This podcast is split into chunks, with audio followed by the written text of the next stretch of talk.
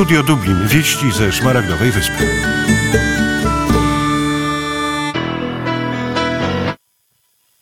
Dzień dobry panie i panowie. Studio Dublin wraca w nowej oprawie co dwa tygodnie. Serwisy informacyjne Irlandia, Europa, Świat. Przetykane z nami o czerwieni, ale też o szmaragdowej wyspie. No i cóż, powróci Katarzyna Cudek jako producentka, Bogdan Ferenc, szef portalu polskamyślnikije.com, oczywiście nasz sportowy ekspert Jakub Grabiarz, którego serdecznie pozdrawiam gdzieś na obrzeżach naszej szmaragdowej wyspy nad Atlantykiem. I oczywiście on, nasz historyk Jacek Wancek. Z ukłonami dla stałego słuchacza z Krakowa, pana Pawła Mazura. Panie Pawle, kłaniamy się nisko. W Dublinie godzina 8.12, w Warszawie 9 minut 12. Rozpoczynamy. Wiadomości wnet. Ze studia Dublin. Piękne słuchaczki i zacni słuchacze, a więc...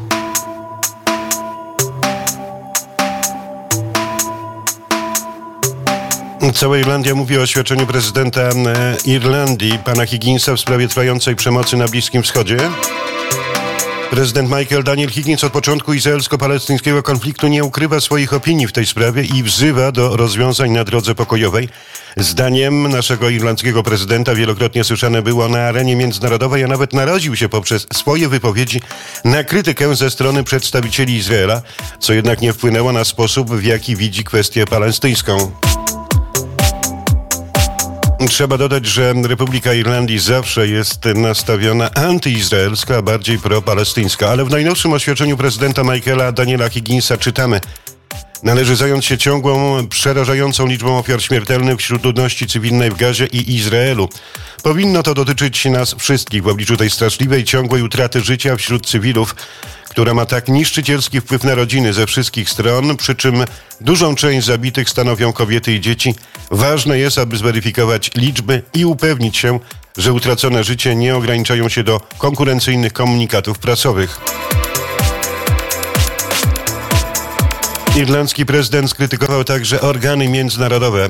W swoim oświadczeniu powiedział, organy międzynarodowe, w tym Unia Europejska i członkowie szerszej społeczności międzynarodowej, które milczą lub pozwalają, aby ich przesłania miały niejednoznaczną konstrukcję, mają obowiązek zobowiązać się do obrony prawa międzynarodowego. Jest to konieczne, aby uwiarygodnić tak często przywoływany multilateralizm. Niedopełnienie tego oznacza przyzwolenie na coś innego niż zapewnienie bezkarności osobom zaangażowanym w konflikt, powiedział prezydent Irlandii Michael Daniel Higgins. Pochwalił także irlandzkie organizacje pozarządowe, z których jest dumne, bo jak powiedział, reagują na obecny horror, który ma miejsce w Gazie. Wielkie akty odwagi i człowieczeństwa mają miejsce w najgorszych okolicznościach. Można tylko podziwiać niezwykłą odwagę i zaangażowanie personelu medycznego, który pokonując niewyobrażalne trudności, pozostaje z bliskimi, narażając własne życie. Y, prezydent Higgins powiedział także, że wielu członków Agencji Narodów Zjednoczonych do spraw pomocy i robót, w tym nauczycieli, straciło już życie podczas tego zadania. Ilustruje straszliwą cenę, jaką przynosi grożenie cywilom terrorem, wojną i jej odpowiedziami. To, z czym się borykają, to doświadczenie tego cierpienia.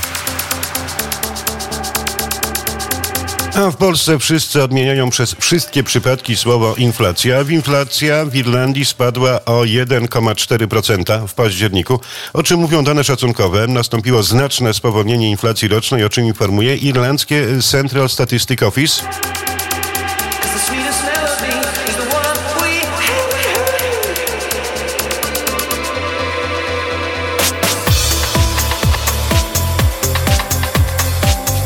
A czy jest lepiej niż w Polsce? Inflacja w Irlandii spadła o 1,4% w październiku. Y, tym samym roczna stopa inflacji w październiku na Szmaragdowej Wyspie spowolniła do 3,6%, a ostatni raz o niższym od obecnego poziomie była w sierpniu 2011 roku. Oznacza to, że w październiku stopa inflacji była niższa od wrześniowej o 1,4%, kiedy wynosiła równe 5%. Według analityków Central Statistic Office taki spadek inflacji jest zasługą niższych cen energii, które obniżyły się w porównaniu z październikiem ubiegłego roku o 0,3 w skali miesięcznej i 4,2 w skali rocznej. Ale nie miało to jednak przełożenia na ceny artykułów spożywczych, bo jedzenie zdrożało o 0,2% w skali jednego miesiąca. W ujęciu rocznym inflacja cen żywności wynosi obecnie 6,7%. A inflacja bazowa z tej wyłączona jest żywność i energia. Przypomnę, pozostała na poziomie 4,6%, więc zaznacza swoją obecność w wielu obszarach irlandzkiej gospodarki. I no i pamiętać trzeba, dodam od siebie, że to dane szacunkowe, więc dopiero w przyszłym miesiącu Central Statistic Office poda odczyt rzeczywisty, a ten uwzględni m.in. odsetki od kredytów hipotecznych, co zmieni obecne wartości. No i wówczas okaże się, że inflacja w Republice Irlandii jest nieco wyższa.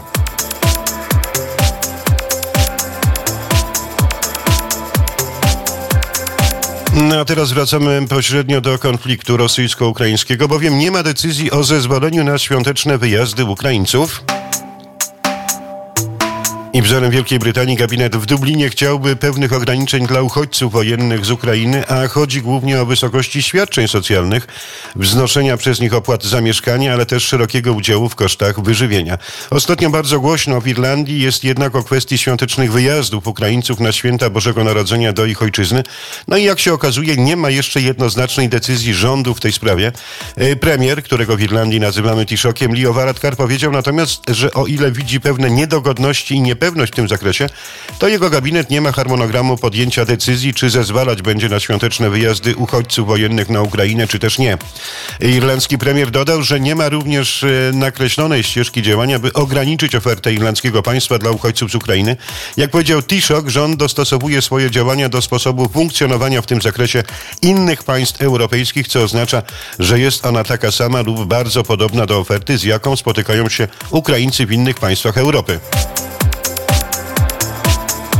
O ile decyzja jednak zostanie podjęta, to może stać się to w ciągu najbliższych tygodni, ale z całą pewnością nie będzie jej szybko. Wcześniej należy jednak zakończyć wszystkie rozmowy w departamentach rządowych, a te rozpoczęły się w mijającym tygodniu i dotyczą możliwych zmian w kwestii mieszkań zapewnianych przez państwo dla osób przybywających z Ukrainy. Dodam od siebie, że problem mieszkaniowy narasta w Republice Irlandii. Brakuje około 120 tysięcy mieszkań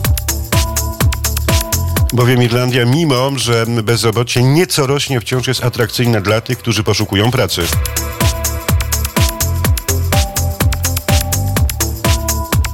No ale co ciekawe, również koalicyjna opozycja nie podjęła żadnego porozumienia w tej sprawie.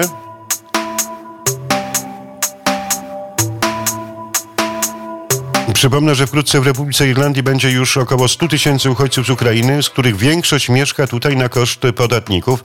Chociaż mówi się, że większość środków pochodzi z Unii Europejskiej, natomiast nie wspomina się niestety, że Unia Europejska ma pieniądze na zakwaterowanie i wsparcie uchodźców z Ukrainy z wpływów podatkowych z poszczególnych państw unijnych, ale też z organizacji pozarządowych, jakie dotowane są przez państwa Unii Europejskiej. A co to oznacza? Oznacza to z kolei, że rządy, jak ten w Dublinie, z państwowej kasy przekazują pieniądze do Unii Europejskiej, by te następnie przekazywane były rządowi na pokrycie kosztów zakwaterowania i wyżywienia wojennych uchodźców z Ukrainy. No a teraz oficjalne dane, trochę dziegciu do beczki miodu. Gwoli ścisłości należy przypomnieć, że oficjalnie od chwili rozpoczęcia akcji przyjmowania uchodźców wojennych z Ukrainy nieco ponad 16 tysięcy z nich oficjalnie podjęło zatrudnienie na Szmaragdowej Wyspie, no, ale są też tacy i zdarza się to często, szukają pracy, ale wyłącznie na czarno, bez odprowadzanych świadczeń.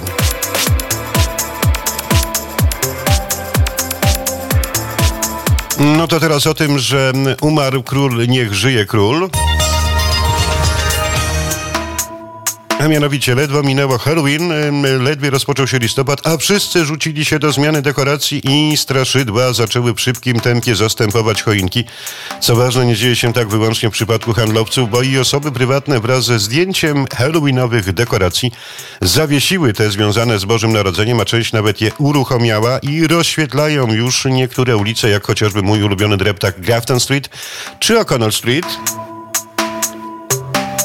No i nawet na naszym Smithfield y, zdjęcia i filmy przekazała moja producentka, przyjaciółka Katarzyna Sudak. Pochód halloweenowy.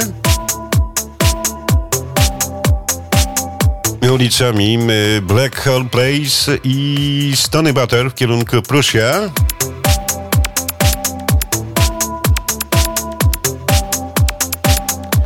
Przypomnę, że słuchają Państwo studia Dublin po wakacyjnej i wyborczej przerwie. Tomasz Wybranowski przy mikrofonie, przy konsulatach w Warszawie Janek Jagodziński.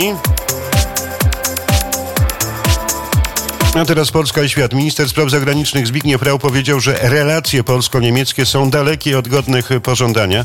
Podczas wizyty w Berlinie szef polskiej dyplomacji wskazywał, że Niemcy nie odniesie się rzeczowo do kwestii reparacji wojennych podejmowanych przez Polskę i to zdanie odnotowały irlandzkie media, co bardziej niż bardzo mnie cieszy. Jak powiedział minister Zbigniew Rau, największym problemem jest e, nieprzyjmowanie przez stronę niemiecką wszystkich konkluzji, które wynikają z raportu dotyczącego strat wojennych, no i faktycznie nieustosunkowanie się do konstruktywny sposób do tych wszystkich kwestii, które poruszyliśmy w nocie wysłanej do rządu niemieckiego ponad rok temu, mówił. Przypomnę i będę powtarzał, że we wrześniu ubiegłego roku polskie władze opublikowały raport o stratach poniesionych przez Polskę w wyniku agresji i okupacji niemieckiej w czasie II wojny światowej 1939-1945. Według tego dokumentu szkody te oszacowano na ponad 6 bilionów złotych. Wystosowanej do władz Niemiec nocie rząd polski domaga się od federalnego rządu Niemiec m.in. odszkodowania za straty materialne i niematerialne w wysokości 6 bilionów 22 miliardów 609 milionów złotych i zrekompensowania szkód. No i cieszę bardzo, że te informacje i o tym problemie mówi się również w Wielkiej Brytanii i w Republice Irlandii.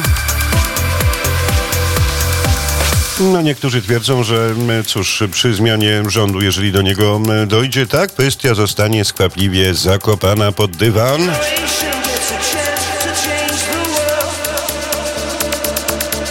A teraz piękne słuchaczki, zacni słuchacze, na chwilę przeniesiemy się do Rosji, bowiem tam... Bowiem tam... Rosja unieważniła ratyfikację traktatu o całkowitym zakazie prób z bronią jądrową. Dokument podpisał poszukiwany listem gończym za zbrodnie wojenne w Ukrainie prezydent Władimir Putin.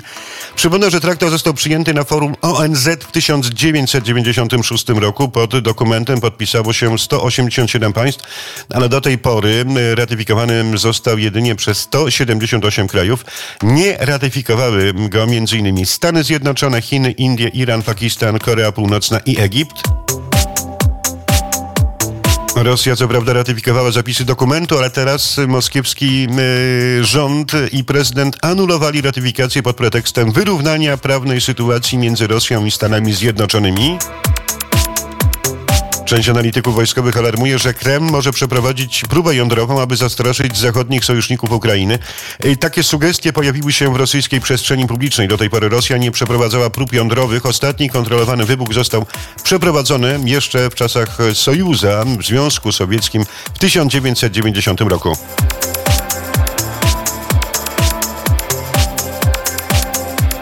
A teraz Stany Zjednoczone i sztuczna inteligencja może być egzystencjalnym zagrożeniem dla demokracji, tak powiedziała wiceprezydent Stanów Zjednoczonych podczas pierwszego globalnego szczytu poświęconego ryzyku związanym właśnie ze sztuczną inteligencją nazywanym na wyspach i w Stanach AI.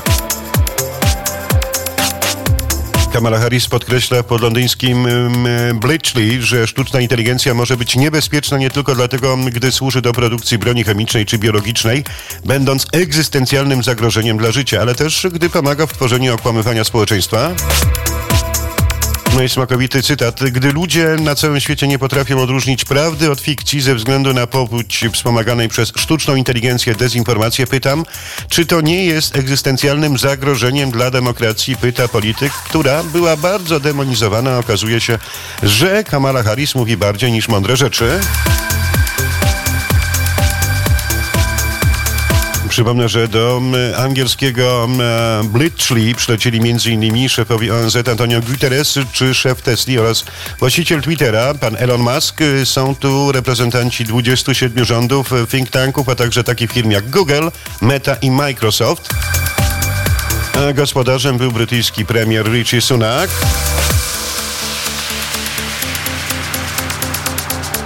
Słuchają Państwo studia Dublin w sieci Radia Wnet, godzina 8.26 w Dublinie, 9.26 w Warszawie. No i teraz jeszcze dwa zdania o przeglądzie prasy. Przegląd prasy oczywiście The Irish Times, najważniejszy dziennik, który ukazuje się na Szmaragdowej Wyspie. Firma Airgriff oferuje właścicielom gruntów 50 tysięcy euro za każdy słup, który postawią na swoim terenie. Umowy z krajowymi przedsiębiorcami sieciowymi obejmują 50 euro za każdy słup oraz rekompensatę za linie napowietrzne. Budowa linii o napięciu 400 kV będzie kosztować 835 milionów euro i połączy Woodland w hrabstwie Meath, to Republika Irlandii, z Julian w hrabstwie Tyrone, to Ulster, czyli Belfast czyli Irlandia Północna. Natomiast trwa proces o morderstwo Ashling Murphy. Słowak Józef Puszka mówi na ławie oskarżonych, że w ogóle nie śledził kobiety w okolicach Tulamor. Oskarżone staną przed sądem w związku z zabójstwem 23-letniej nauczycielki centra przed Centralnym Sądem Karnym w Dublinie. Gęsto i często opowiadaliśmy o tym z Katarzyną Sudak, Bogdanem Ferencem i Jakubem Grabiaszem w studiu Dublin w styczniu i lutym ubiegłego roku.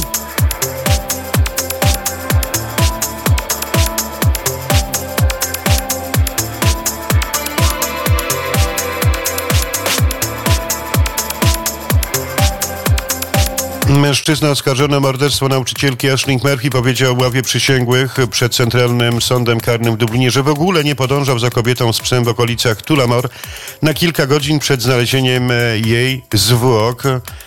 Bagatela 11 ran kłutych w okolicy szyi klatki piersiowej. 33-letni mieszkaniec Słowacji, który od 10 lat przebywa w Irlandii, ojciec pięciorga dzieci, który mieszka w Lanaley Grove, Mackland w hrabstwie Offaly, za pośrednictwem tłumaczenia przyznał się do morderstwa pani Murphy. Dokonano go w Capin Car w hrabstwie Tullamore 12 stycznia 2022 roku. I dzisiaj sąd wznawia rozprawę. A przed nami jeszcze jedna informacja, panie i panowie, tym razem o rodzinnym pikniku niepodległości. Pamiętajcie, że 11 listopada, Dzień Niepodległości. No i cóż, ten piknik już najbliższą niedzielę, 5 listopada od godziny 12 do 16.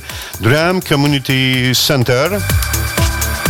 Wyśpiewa Niepodległość, konkurs pieśni patriotycznych dla dzieci, bieg niepodległości dla dzieci, konkurs strzelecki, występy Anny Misiewicz, warsztaty taneczne, militarna grupa rekonstrukcyjna z czasów II wojny światowej z Dublina, bo mamy taką grupę. Oczywiście coś dla ciała, grill, grochówka i inne przysmaki, loteria z nagrodami. Organizator główny, nasi przyjaciele Midlands Polish Community. Pana Kaska serdecznie pozdrawiamy, a sponsorzy to firma Camlin i Electro Direct. A w finale jeszcze jedna informacja, bo już jutro, 4 listopada, w Dublinie od godziny 6 będzie można oczekiwać na grupę Jam, która pojawi się w The Academy. Jeszcze zostało trochę biletów, więc w te pędy zapraszamy na ten koncert. Piękne słuchaczki i zacni słuchacze. Był to serwis informacyjny Irlandia, Wyspa Europa, Świat w studiu Dublin. Radio Wnet. Więcej niż radio. 9.30 w Warszawie, 8.30 w Dublinie program przygotowali Katarzyna Sudak, Bogdan Ferenczew, portalu polska, myślnikije.com oraz Tomasz Wybranowski przy konsoletach, przy mikrofonie z depeszami ze Szmaragdowej Wyspy i Świata.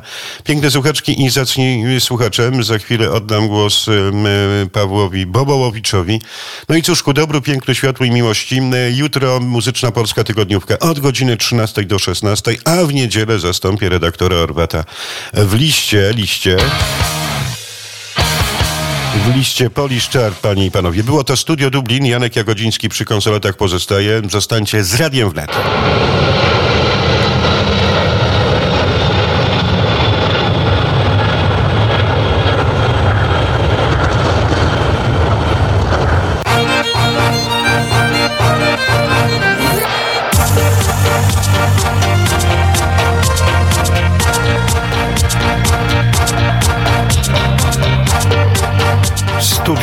Dublin.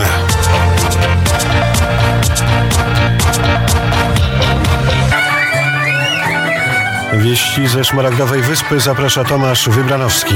Każdy piątek Radio Wnet.